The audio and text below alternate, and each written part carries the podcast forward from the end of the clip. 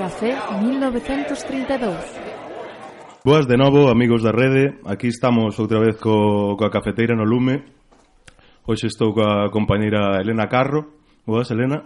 Hola. Eu son Dionisio Cancela. Eh, Nesta ocasión queremos falar dun período bastante convulso para, para a historia do país. Eh, Sabedes que, que dende a Comisión de Historia de Xentalla Pichel sempre sempre facemos as cousas desde unha óptica picheleira e tamén feminista. E, polo tanto, pouca xente mellor se nos ocurriu que, que Encarna Otero para, para este programa. Boas, Encarna, que tal? Ola, que hai? Eh, pois, queremos empezar un pouco polo principio, non? Como, como era ese Santiago no que, no que te criaches e no que viviches que para nós que somos máis novos temos un pouco a imaxe dun sitio un pouco gris no que a xente loitaba por, por dar cor. Bueno, se si me permitides, antes de nada, quedo desvelar unha cousa. Unha das persoas que está aquí foi alumno meu. Dinlle eu clase, así que, bueno, pois é unha satisfacción ver que continúa pola mesma ponla, é dicir, pola historia. Non digo nada máis, a vos adivinalo e ao final do programa seguro que o sabredes. Seguro que sí. Eh, me preguntabas como era Compostela aquela aquela hasta os 20 anos, que logo despois xa me fun. Bueno, era unha Compostela, o primeiro que quero dicir era unha, que era unha Compostela moi negra, mm, sempre chovía, eh, moi oscura, e mm, evidentemente eu estudiei na enseñanza, entonces é verdad que aquel uniforme e aquela capa eran moi oscuros, pero tamén me lembro que desde o mes de outubro hasta o mes de maio aquela capa sempre estaba mollada. Eh? E os zapatos gorila, que eran normalmente os que nos mercaban en Calzados Mallorca, pois tamén estaban mollados todo o ano. Eh, zapatos que a única ventaxa que tiñan, ademais de boa goma, que te regalaban unha pelota que podías xogar. Eh, polo tanto, esa oscuridade estaba en gran parte provocada por aquela cidade, verdad? Mas tamén é verdad que era unha cidade chea de negro polo crego, polos cregos, é dicir, non era solo os curas que vestían de negro e que abondaban por todos os lugares, e que eran tamén os seminaristas, porque eu que estudaba na enseñanza, lembrome que creo que coido que era os xoves, os seminaristas salían a pasear, entonces configuraban parte da paisaxe compostelana con aquela alegrura de que iban, non sei se iban de dous ou de tres, iban en, unha ristra deles en, en, enorme, paseando xuntos, e a verdade é que tamén provocaba bastante negrura. E logo despois toda a educación que recibía, é dicir, unha Compostela clasista, pechada onde estaban os barrios e estaba o pueblo, con unha clara connotación social de quen estaba en cada lado, e polo tanto onde as posibilidades de alegría e de diversión a pesar da nenez e da mocedade eran poucas, existían, eh? Existían eh, non quero dicir o contrario, existían, pero eran poucas, eh, polo tanto eu recordo, o que lembro é que a miña marcha de Santiago foi como unha liberación, o sea, poder marchar a un sitio onde se respiraba, pois era como unha liberación, non? Porque todo era medo, entrabas na universidade e seguías con medo e entonces, bueno, pois ainda que te enfrenta, enfrontabas aquel medo, é verdad que ese, eses anos os, os lembro eh, prácticamente así. E os únicos períodos de sol eran o verao, o verao. A ascensión o apóstol, si te deixaban ir a Alameda, e ás festas, e logo despois as festas, a festa de Conxa, a festa de Sara, a festa do Caixinheiriño, que sempre coincidían en períodos normalmente de bo tempo. E eso era eu non e o río Sar, e o río Sar e o río Sar, por suposto onde os rapaces se podían bañar, as rapazas non, pero as rapazas nos caíamos con muitísima frecuencia ao río. Pois vexo que os recordos son parecidos aos que tamén nos criamos na democracia, que ao final era ir a clase a chover o que nos fastidiaba, non? Eh, nalgúnha entrevista contas que o teu achegamento, o activismo, prodúcese a partir de 1967 nos comités de facultade. Como viviches eses, eses anos, esa militancia universitaria?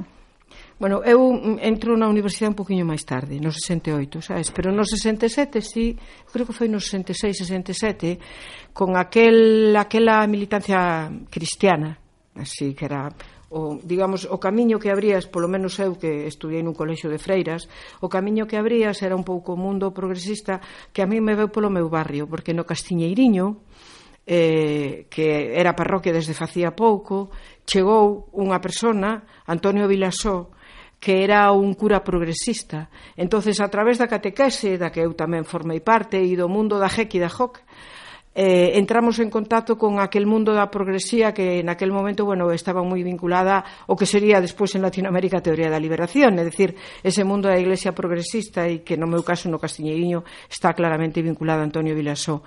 E sí que é verdad que cando xa entrei na facultad, que foi no curso en outubro, bueno, en outubro 68, é dicir, o famoso ano eh, revolucionario en Santiago como no resto de Europa, pois en outubro atopamos unha facultad, unha facultad era de letras, eh, entonces bastante mudada, e ali sí que xa empezamos aquel, naquel momento se chamaban comités, bueno, éramos grupiños de xente que nos ríamos, non íbamos en sitios moi pintorescos porque nos íbamos ao Pedroso a veces a xuntarnos, ou íbamos, lembrome, debía ser que ti, si tiñamos un contacto no meu curso, o Colexo dos Xesuitas colexio dos xesuitas era un colexio maior, mm, eh, o lao de, de, da iglesia de San Agustín, ali o lao, eh, e entonces ali nos xuntábamos tamén, eh, porque estamos falando de anos moi duros, entonces era ali, e algo tamén, e algo que era un sitio onde íbamos a estudar, no Hotel Compostela había unhos baixos, eh,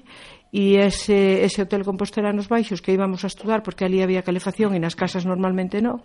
E ademais cando íbamos a estudar a salida da facultad pois se había boda se hubera boda o sábado ou domingo pois as medias lunas e todo aquilo que sobraba non lo poñían co café co cual era unha sorte non? Pois ali tamén tiñamos así xuntanzas e logo había outro sitio mítico fíxate como cambiou a Reixa. Ali foi donde eu leín Trabajo asalariado e capital, to, o sea, os libros todos que nos traían clandestinos que naquel momento, bueno, pois normalmente se sacaban da librería do Xudeo, o Xudeo é unha librería mítica da Rúa de Vilar, que tiña a tenda exposto ao público e tiña trastenda. Eh, entonces, toda esa iniciación, Trabajo a Sala de Capital, eh, los libros de Marx, el 18 Urmario de Luis Bonaparte, bueno, todos esos libros que empezábamos a ler, eran a Reixa. Reixa, que era un sitio, un mundo cheo de ratas e de serrín, unha tasca, que na parte de atrás tiña como un escondido, e entonces nesa parte escondida, ali no, pues nos xuntábamos, e os maiores, pois eh, os que digamos nos dirixían as lecturas, eh, pois traían os libros e nos logo despois discutíamos e facíamos debates e todo eso. E é curioso porque na parte de diante a veces iban a tomar os villos os guerrilleros de Cristo Rei. Cir era aquelo todo aquel mundo así, non? De aqueles anos dos anos, eh, bueno, claro, me marchei nos 70, pero do anos 68, 69, 70, hasta que me fui a Francia, que era así un pouco aquel mundo, non, donde eu non quero idealizalo porque era unha represión feroz, é dicir, por un simple panfleto que tiraras, que ao final era unha tabilla, pois feita así, case a mau, eh, te abrían un expediente, se eras home ibas a facer o servicio militar, é dicir, te machacaban a vida, non quero dicir o contrario, eh?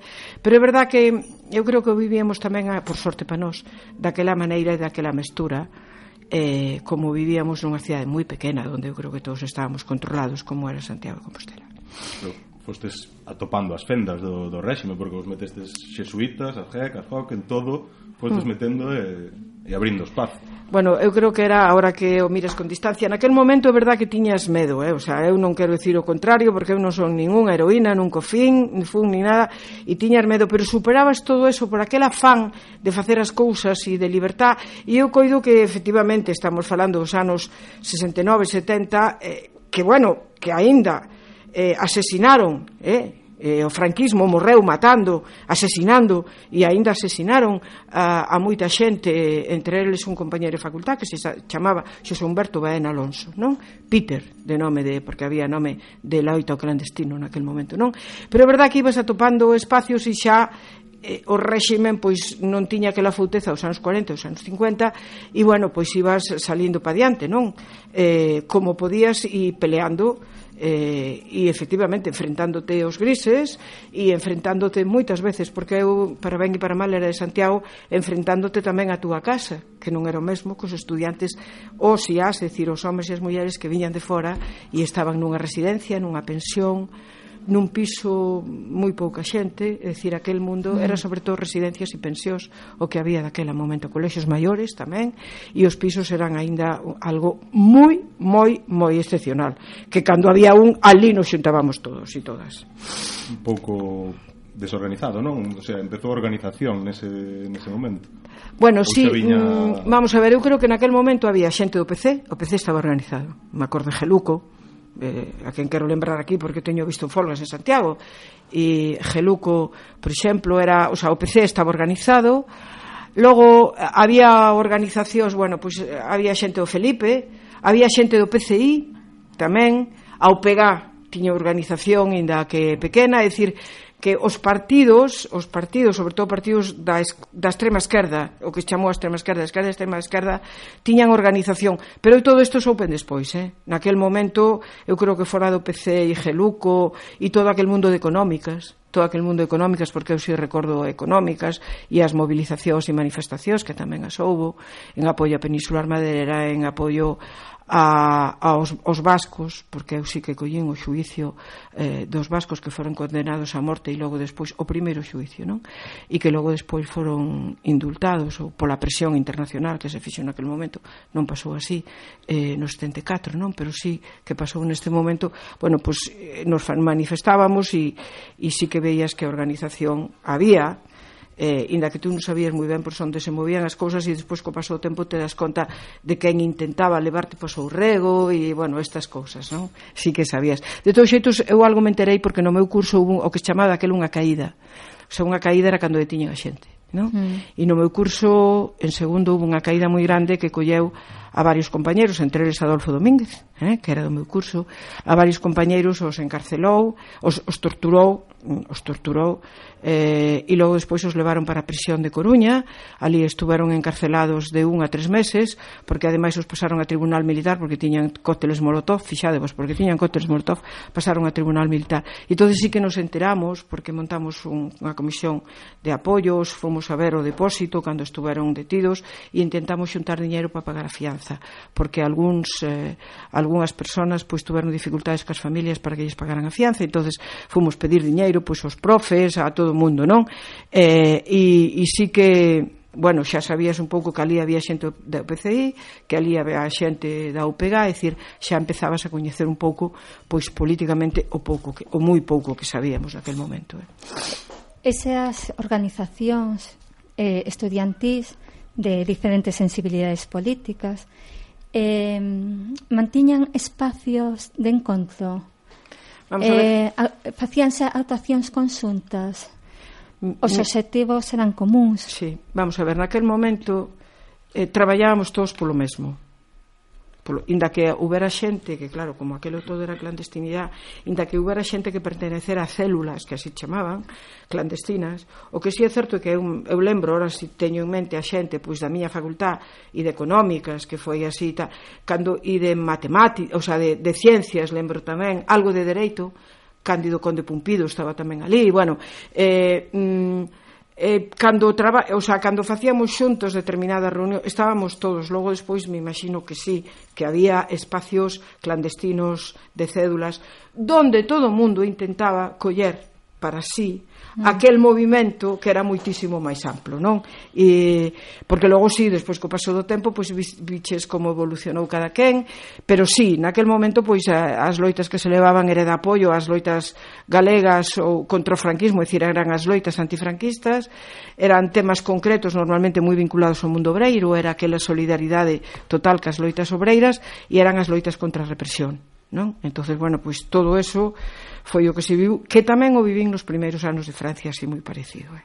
Sin a policía detrás, sin problemas de tiros, pero tamén no espacio de Toulouse era así tamén unha cousa parecida. Xa había contacto previo co, co, co exterior, digamos, o sea, non...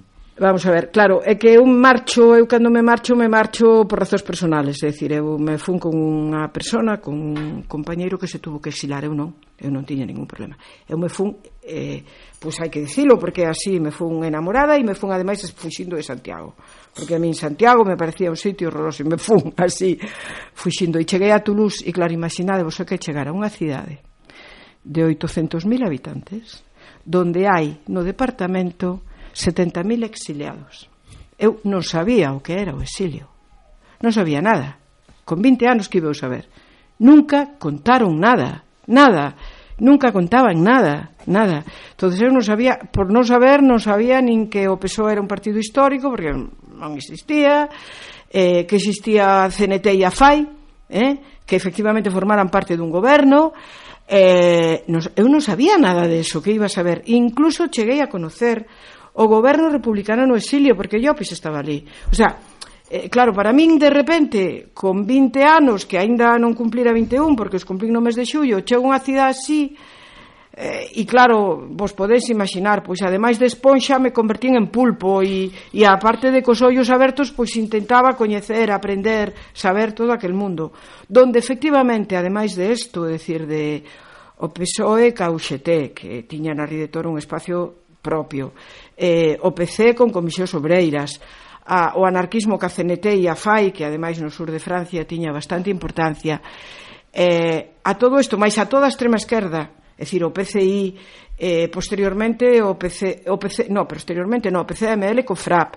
eh, posteriormente naceu o Movimento Comunista que logo se convertiría en MC, máis todo que a, na facultade había, que era todo o retrucar do maio 68, por tanto, o PC non se lle permitía falar nas asambleas porque é revisionista. E entonces a partir de aí vos podeis imaginar a Liga Comunista, eh, eh, os maos, eh, logo despois os situacionistas, todo isto que eu non tiña nin idea, todo isto existía e estaba presente eh, na miña facultá, historia, estaba presente, a, a parte de que o lau, que estaba a facultade de español, de repente me atopo con que na facultade de español os meus compañeiros e compañeiras eran Pérez Martínez Rodríguez, eh, pois eh, Fernández, todos fillos e fillas de exiliados.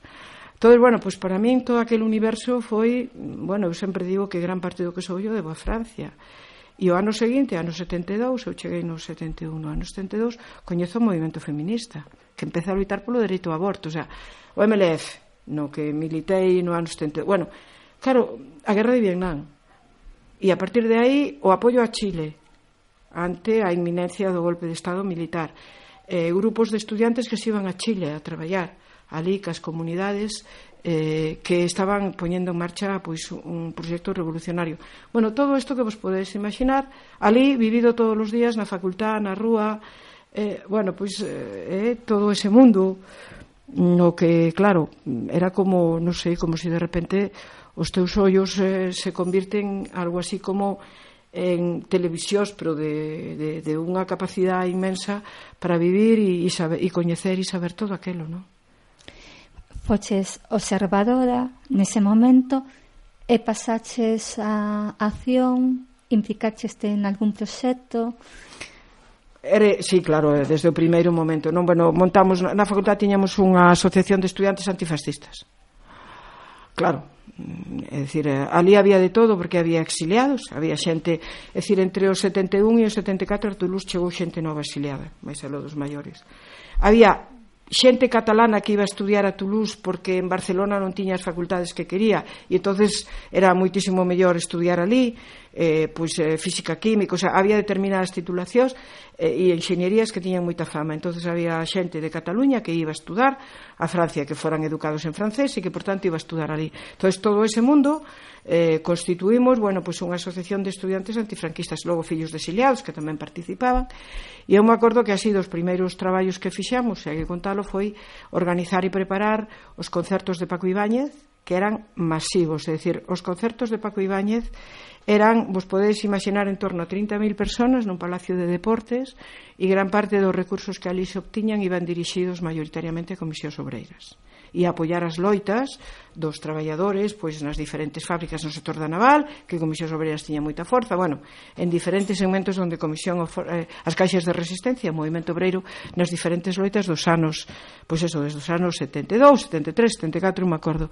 Logo despois tamén en Toulouse e tamén o catalanismo tiña unha certa forza porque ao final Cataluña Norte está moi perto, Perpiñá e todo xo e entonces pois tamén Lluís Ya que era un dos, eh, dos cantantes que viña con certa frecuencia pandemia, mais os grupos de teatro eh, censurados que non podían vir, eu me acordo de Quejío, me acordo, a ver se si me acordo, La Cuadra, me acordo así de algún grupo, que de algúns grupos que non podían actuar e viñan a actuar ali porque sabían.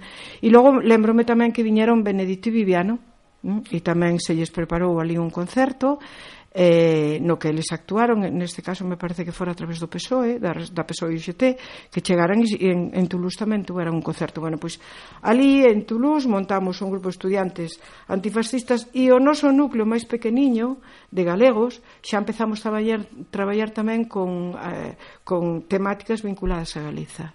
Mm. Eh, algún terratempo chegou clandestinamente aquí desde París, algunha tela de multicopista para aquelas multicopistas mm. que había así de mau que se facían, o sea, sí. tú levantabas, se pasaba a tinta, baixabas, se pasaba a tinta, o sea, aquelas manuales que te permitían nunha noite facer mil panfletos, era o, así o que daba nunha noite, as telas que eran unhas telas, pois tamén así en forma de faixa pasaron pola fronteira algunhas libros de Ruedi Ibérico, de Pierre Vilar, bueno, había xa un traballo, non? e había, bueno, pois unha implicación na medida en que podías, o sea, eu que iba en tren, e algunha compañeira máis que tiñamos pasaporte nos poníamos un collar, un, unos zapatitos de tacón, un bolsito tal e traíamos material eh, que circulaba para lá iba comida.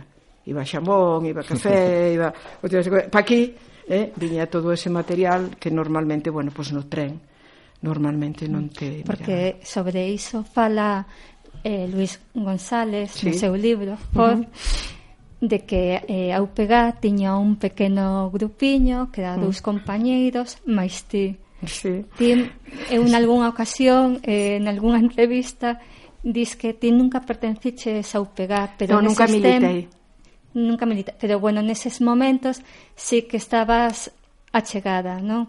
Participaches así o que acabas de contar, ti, non? Eras como un enlace porque ti estabas legalmente en Francia. Sí e actuabas, eras un enlace entre a dirección da UPG aquí en Compostela e Toulouse, non? Vamos a ver, eh, Foz estaba en París, entonces sí que é verdad sí. que o foco estaba en París, non? E en mm. París, bueno, pois pues, nos daban material, incluso intentáramos unha vez con un concerto publicar os dibuxos de guerra de Castelao, sí. a, o sea, que de América chegaran os originales e con ese diñeiro publicalos para logo desde América facelos chegar. Sí, facíamos así traballo de traer cousas, logo tamén a embaixada a embaixada china pois nos, nos regalaba os libros vermellos e tamén chegaban para aquí. A tela da multico, as telas da multicopista viñan de París e eu tiña que entregalos, sí que me acordo, tiña unha entrega que a facía no sanatorio de Cal de Lugo. Cir, había alguén eh, que era médico por ali e eu lle entregaba o material que traía e o entregaba a él, a esa persona, non? Que era un médico de Lugo. Todo, bueno, pois era un pouco este mundo de como eu era a que tiña pasaporte, un pasaporte moi simpático, nunca o contei, pero eu creo que está ben contar estas cousas, porque bueno, pois eu era menor de edad e bueno, me tuve en, en Francia me casei, eu non pensaba Vamos casarme, pero me casei. Menor de idade nese momento éramos 21 anos. Era 21 anos, hai que decirlo, non? Entonces, bueno, por razóns eh, a persona que estaba, o meu compañeiro era exiliado, entonces casámonos, bueno eh, e no pasaporte no consulado puxeron casada civil que según parece era un estatuto especial, porque bueno, daquel momento para casarte civilmente tiñas que apostatar, porque senón, bueno, non sei como era. E entón no consulado dixeron que un si mi marido moría yo era soltera. Bueno, unha cosa moi rara, e entonces no pasaporte tiña casada civil, que guardei como unha reliquia, non? Entonces, claro, eso implicaba que cando pasabas a fronteira a veces Pero o problema, o sea, pa aquí non había moito problema normalmente, o sea, era entonces aquelo no pasaporte pois era como se xa te puxeran unha indicación de que ti eras daquela que naquel momento se decía daquelas mulleres, non? que non estaban non formaban parte do estatus establecido, non? Eh, pero bueno, nunca tuve eu nunca tuve ningún problema na fronteira, collía o tren, pasaba sin ningún problema tanto para aquí como para lá, é dicir que a ese nivel eh, era había moita xente porque normalmente coincidías con moitísimos emigrantes que tamén iban. Bueno, mm, a verdade que incluso cando foi me parece que foi o ano da morte de Carrero, non sei se foi despois, que no mes de setembro que que vin en tren, tampouco eu dicir, bueno, mellor hai que ter un pouco de cuidado esta vez, pero no, a, a verdade é que nunca tuve ningún problema na fronteira.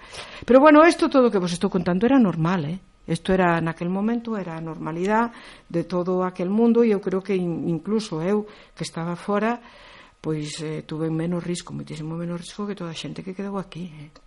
Porque eu teño eh, falo o caso de Baena Alonso, Peter, que era dun curso inferior ao noso e que foi eh, asesinado por Franco, é dicir, fusilado al alba, como dice Aute, non, na súa canción, eh, pero, pero bueno, xente detida, eh, xente que non pudo continuar a carreira porque tiña un expediente aberto, xente torturada, decir, eu creo que a xente que estaba aquí pois eh, viviu, a pesar de eso que chaman agora nos libros de historia, a decadencia do franquismo e, por tanto, onde o franquismo xa tiña unha etapa, digamos, de máis laxitude, non, eso dicen, pero a brigada político-social existía, a tortura existía, as causas eh, do Tribunal de Orden Público existían e todo eso é unha realidade hasta o ano 76 e aínda hubo que pelear moito e salir á rúa con mortos para pedir amnistía e para conseguir os sucesivos indultos, que nunca houve unha amnistía.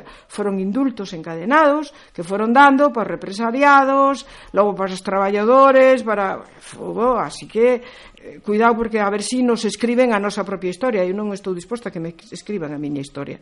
Non estou disposta, porque aínda teño memoria.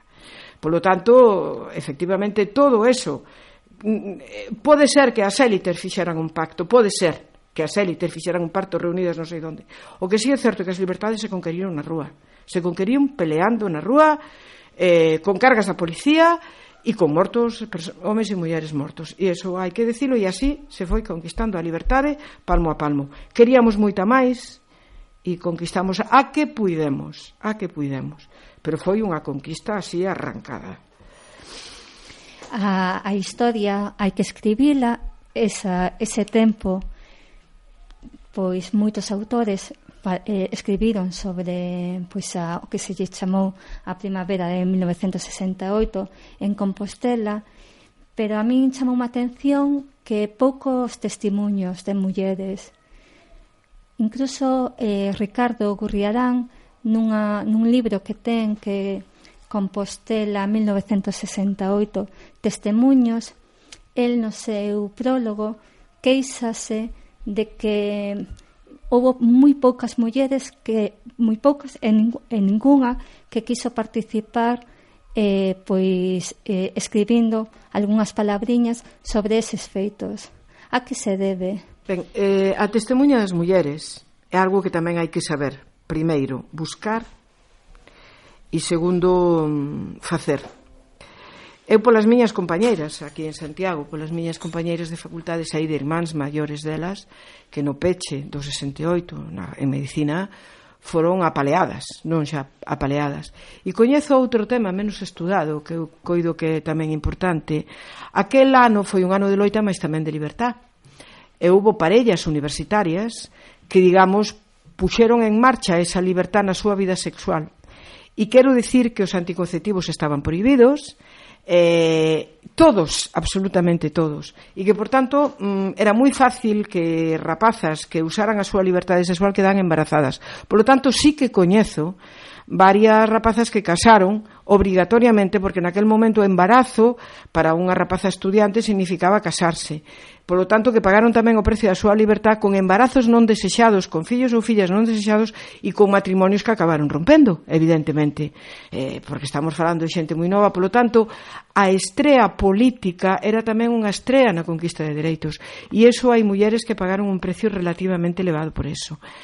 Eh, na, na miña época, tanto aquí en Santiago, antes de irme a Francia, como despois en Francia, había moitas mulleres loitadoras moitísimas, e no 76, 77 eu volvín, eh, volvín con un indulto de Suárez, eu creo que foi pois nos prim... na, a metade de xullo eh?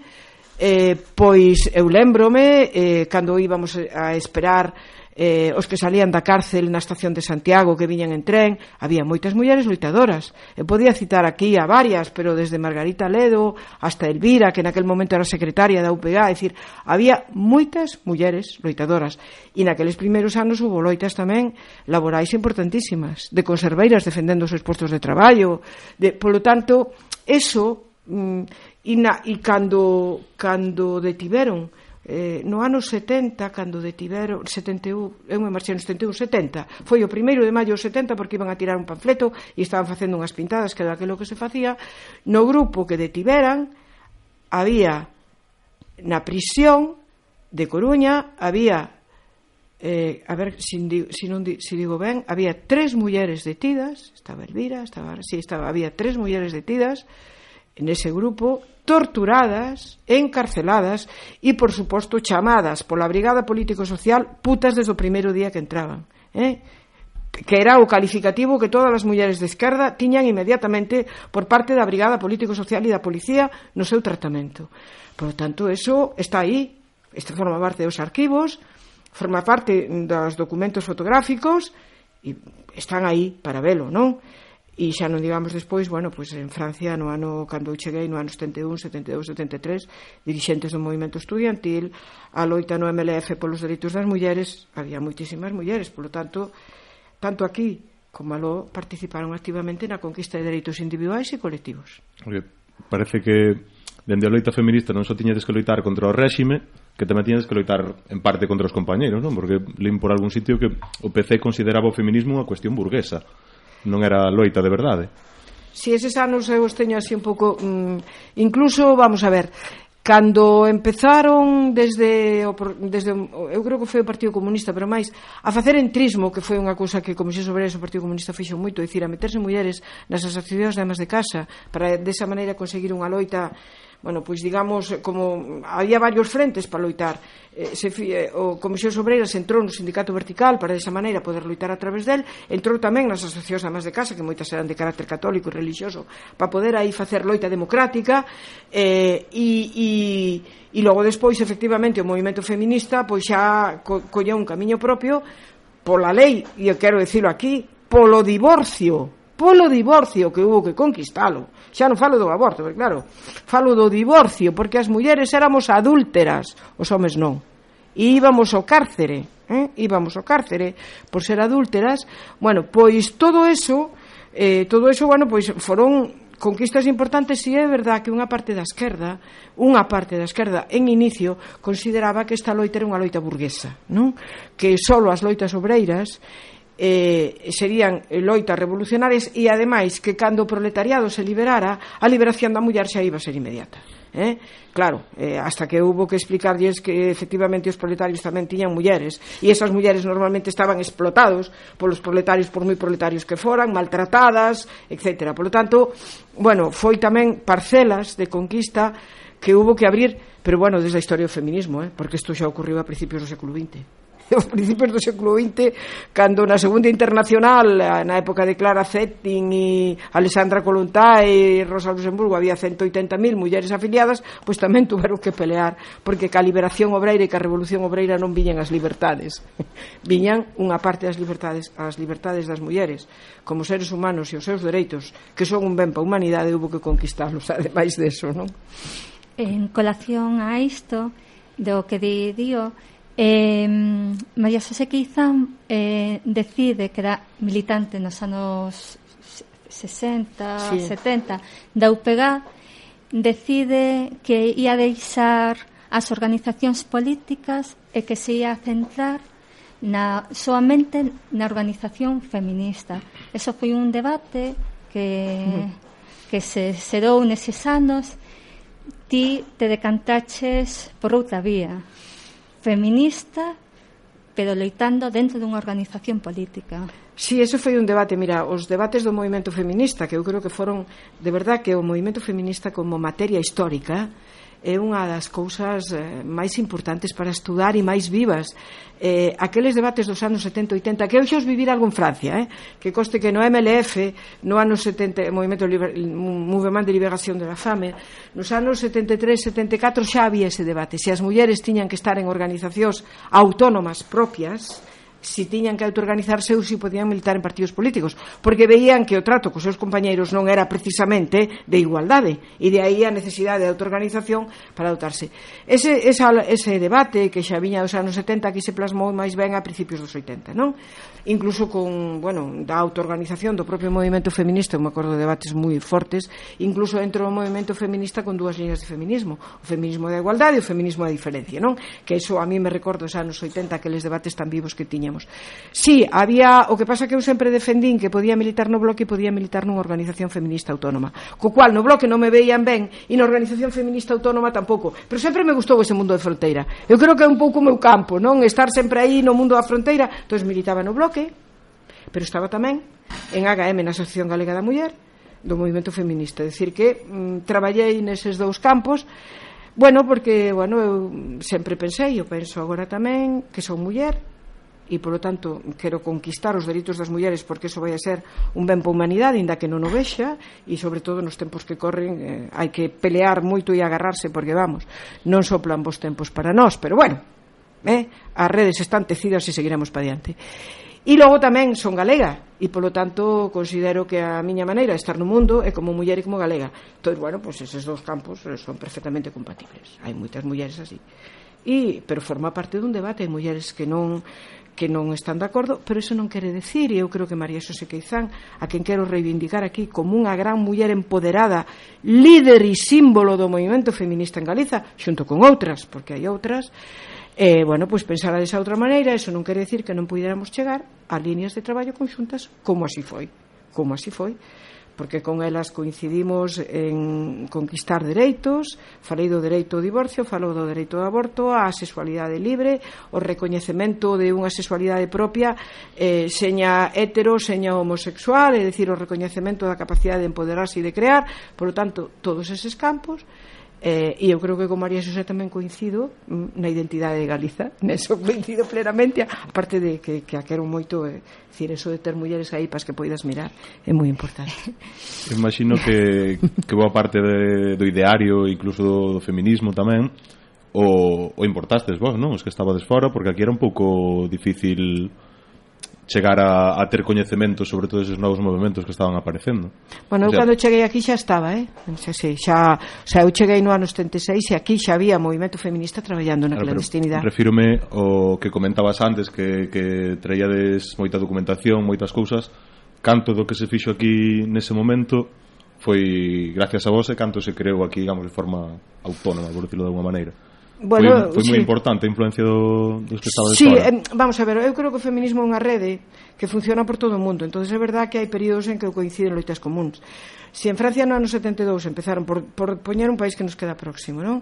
Se si no ano 72 en Francia empezaron a loita pola conquista dos dereitos sexuais, que sempre se dice aborto, non, polos dereitos sexuais e reproductivos. É dicir, aquilo que se decía, o meu corpo pertene me pertenece e eu decido como e cando quero usalo, quero ser nai e a, a sexualidade non pode condicionar a reproducción. Eso é unha decisión libremente tomada. Bueno, todo ese mundo, eh, eh, que ademais, claro, como os espermatozoides son os homes que os botan fora, pero chegan a un óvulo, pois claro, eh, porque ningunha muller se queda embarazada sola, vamos, eh? pero bueno, é eh, así, eh, que o que trataba, trataba de explicar aos meus alumnos e alumnas que o espermatozoide sube, corre, corre, corre, e por tanto tiña que ser o do espermatozoide que se ocupara de que non salira, pero bueno, esa é eh, así para poñer as cousas así en clariño na aula, non? Eh, por tanto, unha responsabilidade compartida, É verdade que en Francia o mellor empezaron antes, de feito nos 74 se conquista, aquí pola coñetura política foi un pouco despois, as mulleres galegas eh, con máis recursos iban, cando non podían ter un fillo, a, a Inglaterra, con menos recursos o movimento feminista tiña redes de apoio para que foran a Portugal cando era ilegal, é dicir que sempre hubo ese traspase, ese traslado e ese trasvase e efectivamente o movimento, a loita, a teoría que se escribía pois en Italia, en Francia, pois chegaba aquí igual que a Marcha Mundial de Mulleres, pois foi unha rede que funcionou por todo o mundo. Eu creo que é unha osmosis, non? É unha osmosis que logo despois, bueno, pois se vai adaptando a cada realidade. E aquí é verdad que nos anos 80 en Galiza se elaborou muitísimo muitísimo pensamento feminista e ademais eu creo que bastante innovador en algúns campos, por exemplo, no mundo rural eh, todo ese conxunto agrogandeiro, o sea, todo ese mundo que forma o rural, é dicir, o territorio do agro galego, que é un mundo amplísimo, aí hubo un inmenso traballo feminista para conquistar dereitos fundamentales das mulleres, por exemplo, o dereito a ser titular da explotación, o dereito a ser dada de alta na Seguridade Social, o dereito a ter capacidade económica de decisión propia e o dereito a coñecer a historia das mulleres de Galiza que viña de atrás, o dereito á formación sexual, o dereito xurídico. Eu me acordo co Sindicato Labrego Galego e eu quero pois, poñer aquí tamén a Lidia, xunto a, a Lidia Senra con outras moitas mulleres, de dar charlas polas aldeas, polos lugares, para de formación en todos estes campos e a, as, os e as axentes de extensión agraria da que quero falar aquí de Pencha Santas Marinas tamén tuveron un traballo e un papel espléndido na conquista dos dereitos das mulleres en todo ese amplio mundo agrogandeiro que Galiza tiña igual que nas mulleres que traballaban no mar ten en conta que aínda fai moi pouco carredeira son, é unha profesión. O sea que eh, foi todo un campo e eu creo que nese sentido Galicia moito do movimento feminista foi pioneira neses, neses aspectos. Eh, Estamos falando sempre da, da influencia do exilio aquí. Eh, o exilio, digamos, un mundo universitario, politizado.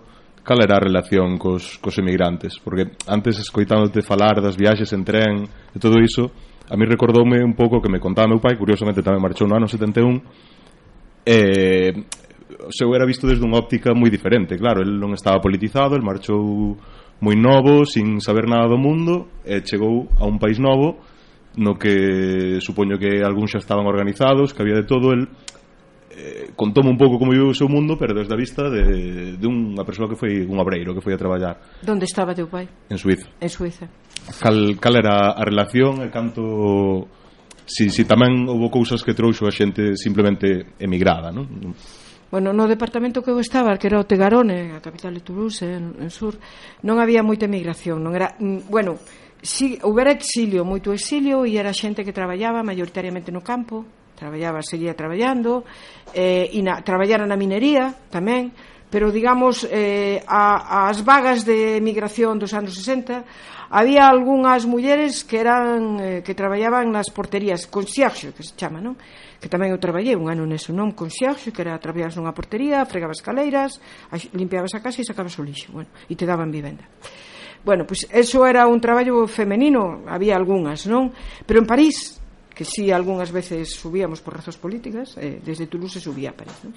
por razóns políticas, porque era onde estaba Foz, pois o que se facía que emigración, que ali se tiñan un traballo que emigración, era un traballo, digamos, bueno, pois de divulgación e concienciación, a respecto do pensamento e do nacionalismo galego. É dicir, ali me acordo de dar panfletos, de algún concerto, recordo un concerto a Mancio Prada, donde fomos a repartir panfletos, bueno, pois por Trocadero, por ali, creo que era así. Todo se facía un traballo de concienciación nacionalista con aquela xente, que era o que logo se fixo tamén nos centros galegos, o que, o que facía, e quen traballaba bastante con esta xente, naquel momento era moito a xente con misións obreiras.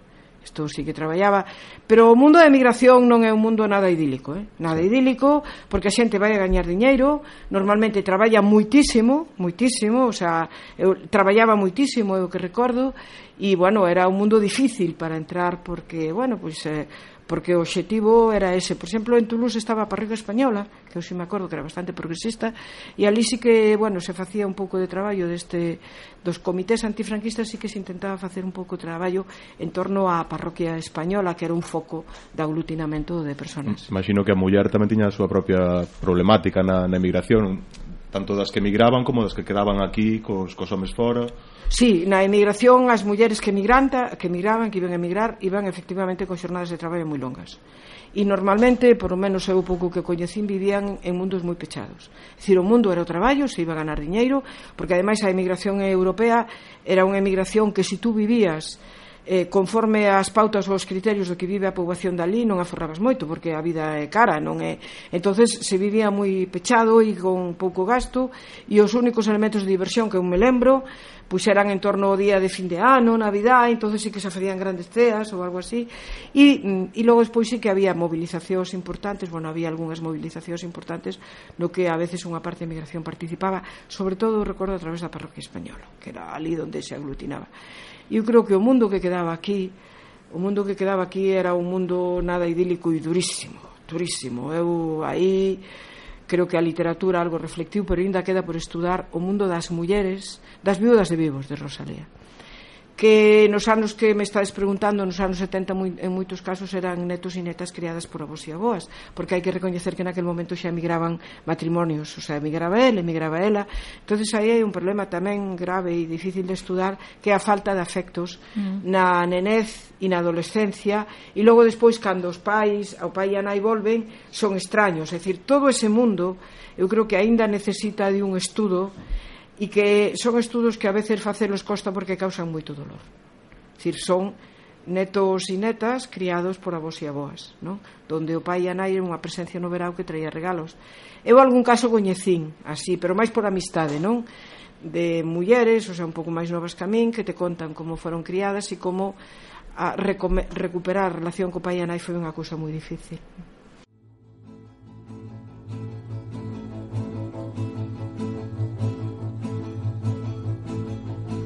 Al vent, la cara al vent, el cor al vent, les mans al vent, els ulls al vent, al vent del món. I tots, tots plens de nit, buscant la llum, buscant la pau, buscant a Déu, al vent del món. La vida ens dona penes i al naixer és un gran plor. La vida pot ser plor, però nosaltres al vent, la cara al vent, el cor al vent, les mans al vent, els ulls al vent, al vent del món.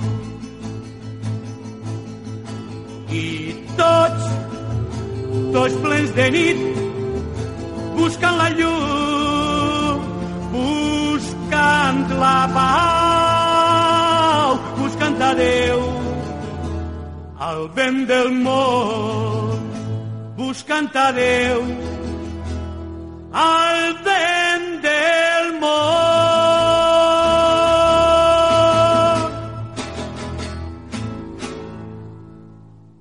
Unha vez repasada esa etapa do, do exilio toca volver a Santiago xa no, no ano 76 me parece, non? Uh -huh despois da, da morte de Franco eh, falábamos que Santiago na, na túa infancia era un lugar así gris. Eso comezara a mudar algo xa ou, ou non se notaba moita diferencia?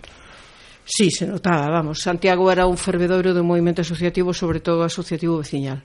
Como en toda Galiza e como no resto eh, eu coido que do Estado pois hai, hai hubo dous a parte dos partidos políticos clandestinos e sindicatos clandestinos e por tanto que riscabas aquilo que se chamaba asociación ilícita e propaganda ilegal había digamos soportes que permitiron loitar contra o franquismo non e no caso de Galiza, ademais de loitar contra o franquismo, montar un proxecto para Galiza, xogar co nacionalismo e ca cultura galega. Entonces, eses dous instrumentos foron as asociacións culturais e as asociacións de veciños. Eh, eu cando volvín de Francia en principio estaba na NPG o que pasa que me expulsaron o pouco tempo nos 37 expulsaron da NPG pero sí que Podes empecé... contar por qué? Bueno, pois pues por todo aquel lío to, todas aqueles anos que foron anos así duros, eu coido, non? os 37, 78, 38, os 39, hasta 80 foron anos moi duros, digamos de, bueno, de de expulsións, de rupturas, a veces moi dramáticas e bueno, era o produto da transición tamén, non? Eh, e entonces eu cheguei e me metín enseguida, ademais de contado, moi enseguidinha de contado, lembrome de traballar na Asociación de Veciños do Ensanche, eh, que se montou naquel momento e que ademais levara loitas importantes, por exemplo, para defender que as casas de Ramírez non se, te, non se tiraran, porque había un proxecto para tiralas e construir bloques como estaba facéndose en todo o ensanche, por exemplo, foi unha das loitas importantes, non? Que levamos ali nesa acción e logo tamén, bueno, pois xa empezaron outros movimentos, por exemplo, o movimento feminista, xa nese momento empezaron as loitas polo dereito ao divorcio, lembrome, o movimento feminista que e logo de, logo pouco tempo, pois o movimento eh, pola paz e anti-OTAN Mm, o debate pola paz e antiotán entonces todo eso xermolou xa pois na construción dun proxecto democrático municipal por un lado eh, na construción, digamos, de un proxecto que a mí me define, é dicir, que descubrín en Francia, pero que me define que o meu feito de ser muller e, polo tanto, ser feminista, que non cabe outra saída. E logo, despois, bueno, pois un proxecto pola paz e contra a OTAN, é dicir, contra a que o Estado español entrara nunha potencia militar nun dos bloques, posto que había dous, como era a OTAN, non? E logo despois, bueno, pois todo ese traballo mm, unido tamén á vida profesional, houve que preparar oposicións, pero xa me permitía, permitía naquel momento un traballo importantísimo do punto de vista asociativo moi grande a reivindicación do galego, eu me acordo que cheguei a Melide a traballar no ano 78, pois dábamos clases pola tarde de Historia e Xeografía de Galicia fora das aulas, co alumnado montamos o catecismo labrego que logo nos impediron representar porque se metía cos caciques bueno, todo ese mundo, todo ese, digamos como digo eu, todo ese fervedoiro de proxectos e de ideas que, que naquel momento ocurrirán en todos os lugares ¿no? e a, a, o soño eu creo que o soño porque foi un soño de que unha ruptura era posible.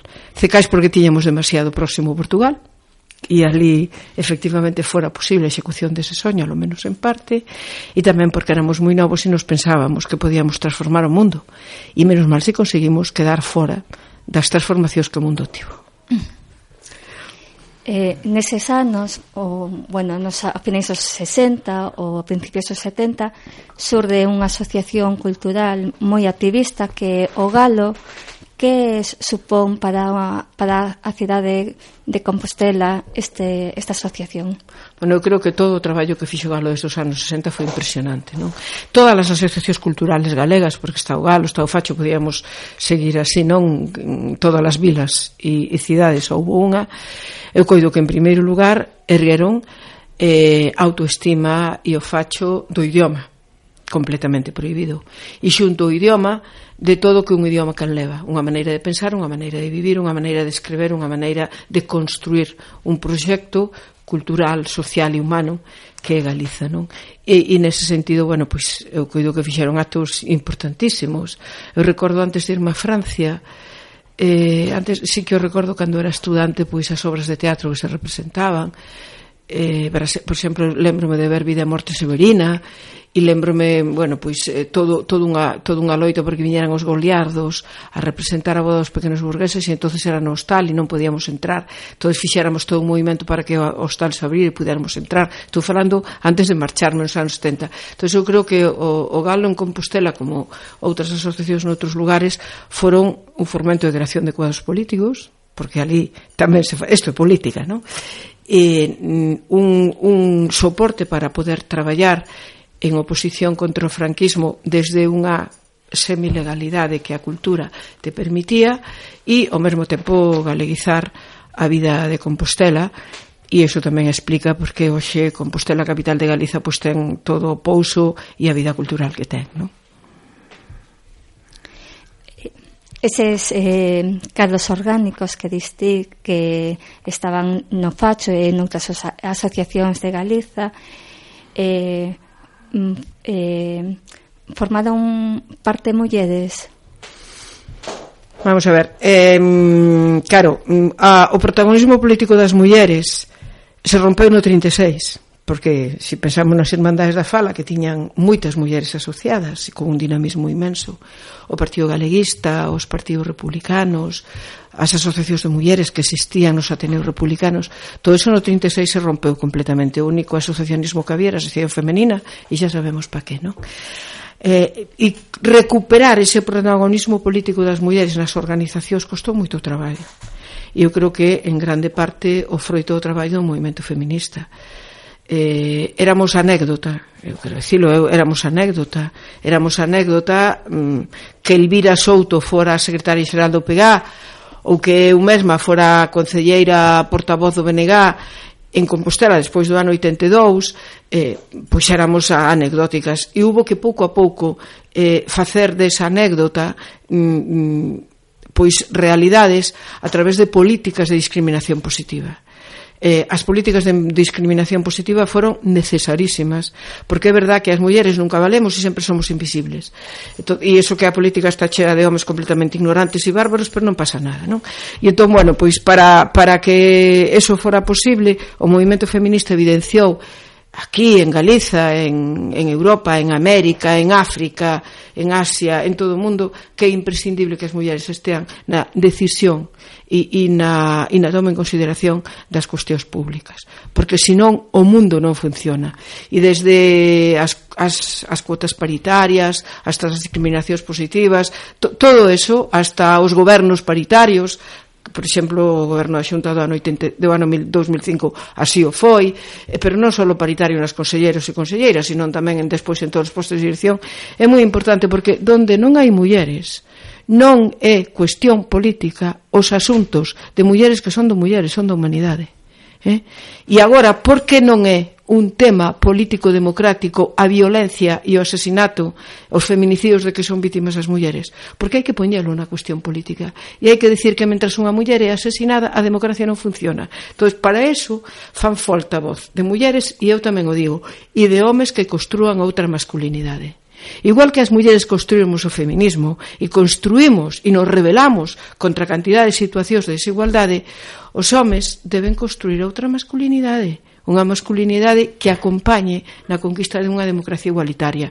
E eu coido que naquel momento, digo, pasamos de ser anécdota a ser realidade, pero costou moito, eh? costou moito. Porque eu estou farta, moi farta de ver propostas que facías, eh, alternativas que dabas, E logo, cando tú as dabas, as propuñas, todo mundo quedaba calado, media hora despois un home as recollía, as facía as súas e entonces aprobaba. Pero non necesitamos intermediarios, xa sabemos falar, somos intelixentes, estudamos, entonces xa está, non? E logo, mm, outra cuestión, vamos, sempre había diñeiro para todo, menos para determinadas cousas, todas as áreas de benestar, todas as áreas que tiñan que tiñan que a ver cos coidados, todo eso, parecía que eran cousas de mulleres, que eu saiba a nenez e as persoas maiores non son cousa de mulleres. Entón nunca tiñan nin partida nin prazos. Entón é moi importante tamén na vida económica darlle a contabilidade partidas e plazos para eses asuntos que ao final son os asuntos das persoas. Non? Incluso eu digo sempre, hai aprobada polo ONU unha resolución sobre que a economía, hai dous, dous aspectos de economía que se teñen que cuantificar, é dicir, valorar no Produto Interior Bruto. Unha é a produción e reproducción da forza de traballo, e outra é a carga ecolóxica, a pegada ecolóxica de todo o que se fai. Hai unha, un acordo da ONU para que eso se contabilice eh, no produto interior bruto. Pois non hai maneira de que se incorpore. Non hai xeito. Eso eh, falabas agora das, das mulleres da Irmandade da Fala eh, e toda esa carencia tamén se nota na historia non? porque nos dende a comisión intentamos no centenario das, das Irmandades no 2016 intentamos facer algún traballo de recuperación e importábamos especialmente ao, o papel das mulleres e batíamos de frente case continuamente contra a típica frase de nada, só cosían bandeiras e pouco máis e creo que é importante reivindicar o papel da muller a través da historia desde eh, mulleres historiadoras e tamén desde o papel das mulleres no, no pasado, non? Falta moito por recuperar aí, bueno, en todos os ámbitos, pero... Mira, neste momento, ano 2017, bueno, o ano o centenario das Irmandades foi 2016, pero continuou, porque o traballo das Irmandades continuou, xa se pode afirmar que hai publicacións, publicacións, digo, documentos escritos visíveis con letras e rostros e nomes e apelidos de quenes foron esas mulleres que fixeron, por suposto que non están todas, porque sabemos moito, moito que pasou no 36 cos arquivos é verdade. Pero hai moitas que xa están identificadas, que teñen rostro e nome, que teñen o seu traballo, e non só María Miramentes, Micaelo, Micaela Chao, dicir, hai moitas, Amparo López Geán, hai moitas que teñen xa nomes, apelidos, eh, e que, polo tanto, xa non se pode decir que non se sabe o que as mulleres fixeron nesas épocas. Temos todos os datos. Pero, a eso Hai que poner no, nos libros que... de texto, texto para que sean materia obligatoria no ensino obligatorio. Claro, eso que hai que facer. A, a eso iba, que se siguen ninguneando a pesar de que Esto mesmo. sí que sí que hai datos. Eh... Porque eu creo que hai unha vontade mm, en convertir en norma o que non é normal. E entonces ese convertir en norma o que non é normal eh, ten detrás tamén, primeiro, resistencias por adaptación, porque toda a innovación dá traballo e hai xente que non está disposta a traballar maiormente neste caso elementos masculinos eh? mais tamén mais tamén e, e, e mudar porque todos os días estamos aprendendo eh? máis tamén a verdade que ese movimento de invisibilización ten un obxectivo claro seguir, fun, seguir formando o clan masculino de reproducción do poder E é que non pode ser, o sea, non pode ser porque a estas alturas as cousas que se estudan e se investigan con moito traballo e se publican son para facerse para que formen parte eh, do currícula obligatorio de ensino, porque senón o que se está ensinando é unha falsedade, é unha mentira. Mm. Pero todas estas cousas que nos estás dicindo de que xa hai mulleres das irmandades que publicaron, que fixeron cousas, que participaban na vida política. Eh, hai correspondencias eh, ti a través do Consello da Cultura Galega na Comisión de Igualdade vos sabedes se estas mulleres tiñan correspondencia con outras mulleres de Cataluña ou do resto de Europa nas que falaban pois de cousas tan importantes como era o dereito ao voto Hai constancia documental algunha? Vamos a ver, estas mulleres, por exemplo, mm, as Irmandades da Fala tuveron moita relación con Cataluña, non? E ali, por exemplo, Micaela Chao estuvo mm. ali na, nas viaxes, eh? ou mesmo cando os catalás viñeron a Galiza tamén, temos constancia, por exemplo, de mulleres participando en mítines, concretamente en Santiago, mm? das Irmandades da Fala, eh, temos constancia de, doc, de documentación e de libros feitos para galeguizar as escolas, donde unha das, máis, das protagonistas máis importantes e pioneira foi María Miramontes. Eh? Bueno, temos constancia de todo eso, é dicir, xa hai documentación suficiente como para poder decir. E logo que sí sabemos que está estudado, concretamente, e espero que este ano, en 1917, se saque a luz, é que esta vaga política que arranca o século XIX e do feminismo eh, do século XVIII, porque é verdad que ven xa da Revolución Francesa, de construir cidadás, eh, polo tanto, mulleres que teñen dereitos e deberes políticos, que arranca a Declaración de Dereitos da, da Muller e a Cidadana, que se a do home de 1789 a da muller de 1791, por tanto, dous anos despois, feita por Olimpa de Unx e presentada na tribuna, é dicir, na Asamblea da Revolución Francesa, bueno, pois a partir deso se, se camiña eh, se camiña políticamente para avanzar. E na segunda metade do século XIX e no período e primeiro tercio do século XX eh, hai un avance inmenso. En Inglaterra se coñece o mundo dos sufragistas, en América, eh, nos Estados Unidos de América, eh, a loita pola igualdade do dereito das mulleres vai unida á loita abolicionista, ali tamén, e hai estados que son os primeiros que consiguen o dereito ao voto femenino, e e en todos os países nórdicos e en Rusia, lo que logo será despois a Unión Soviética, eh, hai todo un movimento tamén de conquista dos dereitos políticos das mulleres, entre e iso explica porque eh, bueno, pois o primeiro estado que vai a ter unha muller ministra é a Unión de Repúblicas Socialistas Soviéticas con Alexandra Kolontai. É dicir, hai todo un movimento a nivel mundial e ademais no caso de Galiza temos pioneiras na segunda mitad do século XIX que crean un polo, un eixo eh, Santiago, Coruña Ferrol, desde Rosalía de Castro hasta Emilia Pardo Bazán, Concepción Arenal, Juana de Vega, eh, posteriormente un pouco máis, bueno, Filomena Dato, es que non me van a salir todas porque son tantísimas, eh, son tantísimas que crean que son pioneiras eh, tamén no dereito na, na loita polo dereito ás mulleres de educación, vexase nos congresos pedagóxicos está presente e pola dereita polo, polo dereito o, o a, a participación na política de ser electoras e elexidas. E, e se os deputados galegos a Novo a Santos, que era un home misóxino, completamente misóxino, progresista, pero misóxino, xa, rayando, bueno, votan no ano 1931 a Constitución Republicana o dereito ao voto das mulleres os ele electos galegos porque sabían moi ben que se volvían aquí e non fixeran eso, tiñan que dar contas e aquí xa había todo un movimento de mulleres que mm, quería ah, ese, ese mesmo ano, 1931, nace o Partido Galeísta, loitaban polos dereitos políticos facía tempo. entonces todo eso é obra de un movimento do que as pioneiras o que nos aparecen son cabezas visibles, pero están detrás. Porque se si collemos a documentación e que a investigación que hai hoxe en día, pois, por exemplo, no movimento antiforal, no movimento pola redención dos foros temos mulleres en primeira línea que van a ser mártires, é dicir, que as van a matar. No movimento anticonsumos, é dicir, contra o sistema fiscal que existía no momento, temos mulleres en primeira línea que tamén as van a matar. Eh? E, polo tanto, todo eso enlaza pois tamén cas irmandades, é dicir, é todo un movimento que está temporalmente na mesma época que un movimento político, eh, económico e social reivindicativo de dereitos e protagonismo das, das mulleres en primeira línea. Entonces é así, entre outras cousas, porque en Galiza, para moitos asuntos de carácter económico e de outro tipo, quen había maioritariamente eran mulleres porque os homes estaban en América. E moitas familias e moitas herdades e moitos fogares tiñan mulleres ao seu frente.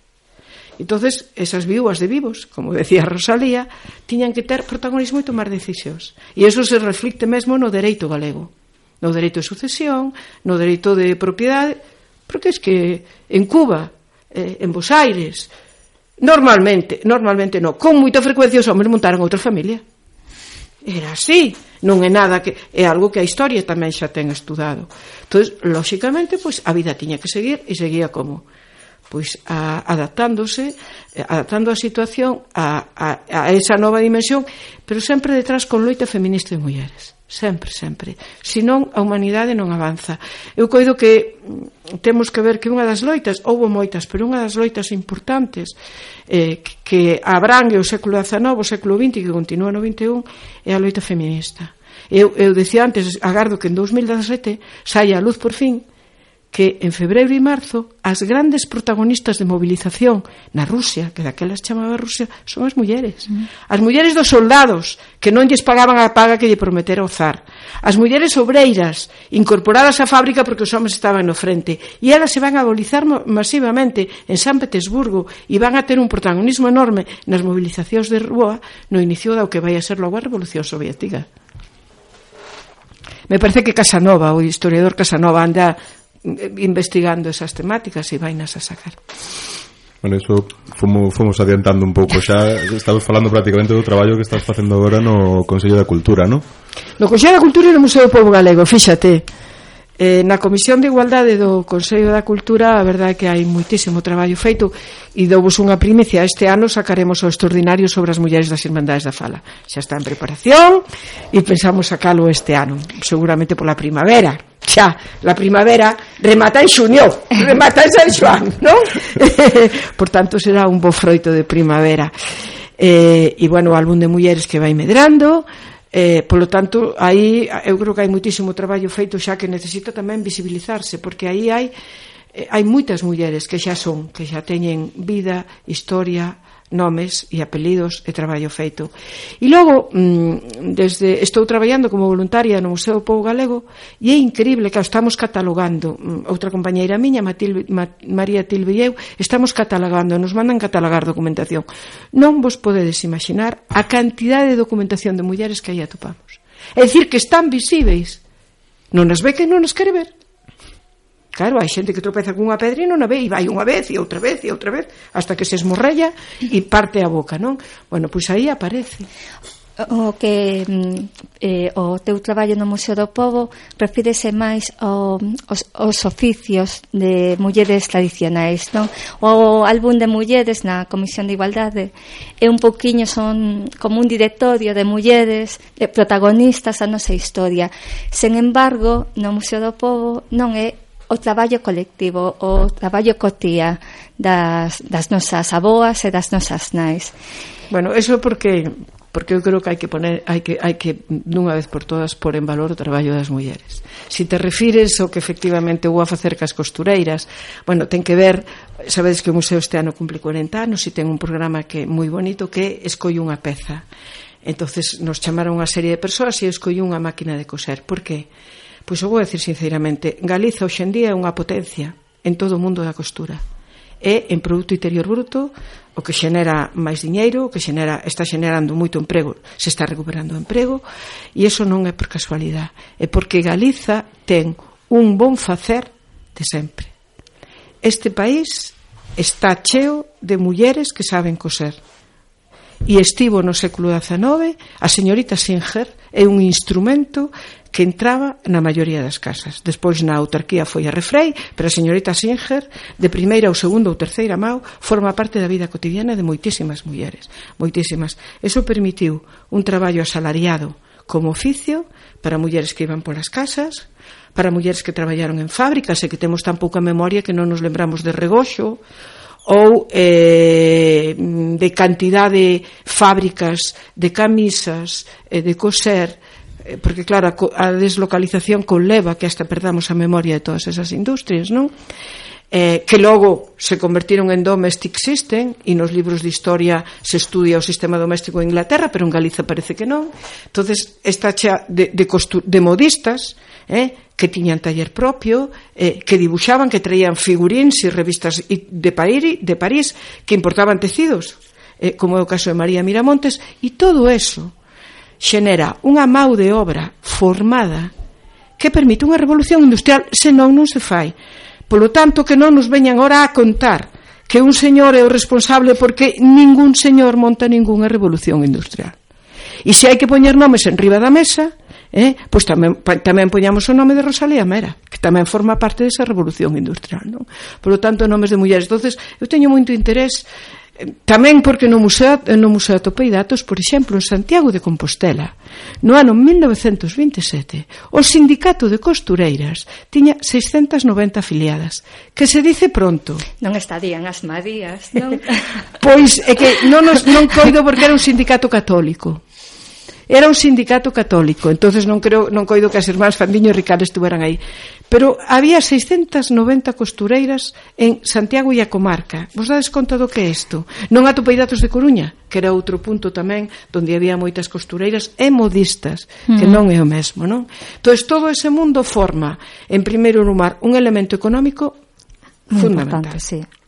En segundo lugar, unha mão de obra preparada. En terceiro lugar, un mundo de cultura inmenso porque é, un, é toda unha maneira de aprender corticonfección, de coser, de coñecer os tecidos, e todo eso se transmite e chega estos nosos días. De tal maneira que nos anos 70 e 80, non sei se vos lembrades, aquelo de la rugas bella, recupera todo o mundo de coser, e Galiza se convirte nun mundo de confección, mm? E a medida que o crecimento económico se vai desenvolvendo, pois aparecen diferentes actividades económicas para segmentos de poboación distintos, con menos recursos económicos, con máis recursos económicos, pois Galiza ten unha mão de obra importantísima. E, e o que ocurre é que esa industria, porque é unha industria, logo sufre todos os avatares do sistema industrial que pasa a ser financiero, entonces se deslocaliza, se busca máis baratos, e todo eso. Pero hoxe en día, temos xente moi formada en que? En deseño, en creación de autoemprego a través de industrias propias, en formación, de, en creación de tendencias, en utilización das redes para efectivamente montar pequenos negocios que logo medran, todo eso e ademais en todos os segmentos. Igual que antes cosían velas, facían roupa do mar, facían bolsas para o volframio e todas eran costureiras.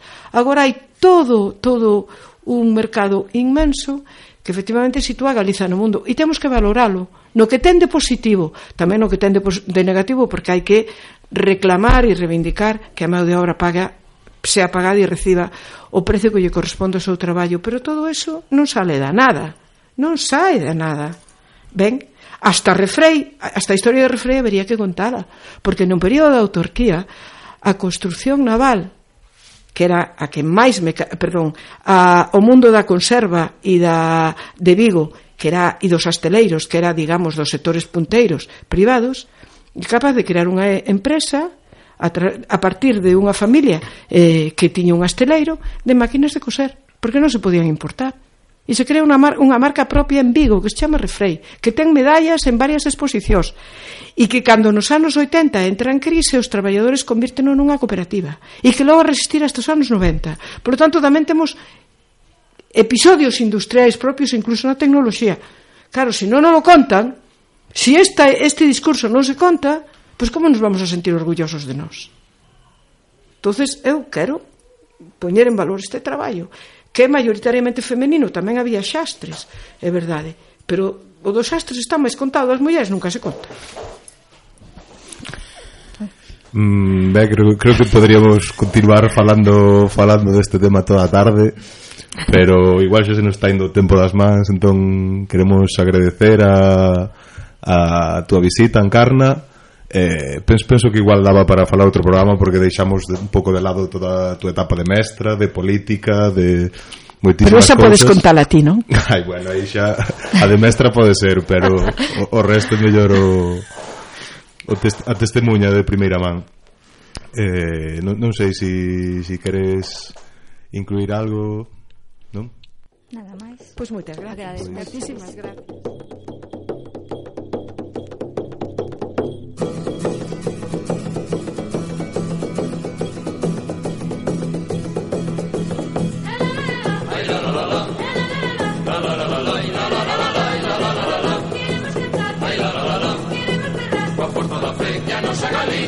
de pé Puxen os ventos dos agoreiros la, la, la, la, la, la vellos fora lembranzas De pedas noites Ai, la, la, la, la, la, la la, la, la, la Veñen os hombres e fortes Como dos limpos traballadores Que fallen xuntos sin repolgar Pode ser rolo do noso Mira de pra diante, sempre sin medo como se ve Gaita inteira que ti representa Esta xuntanza que non ten La, la, la, la, la, la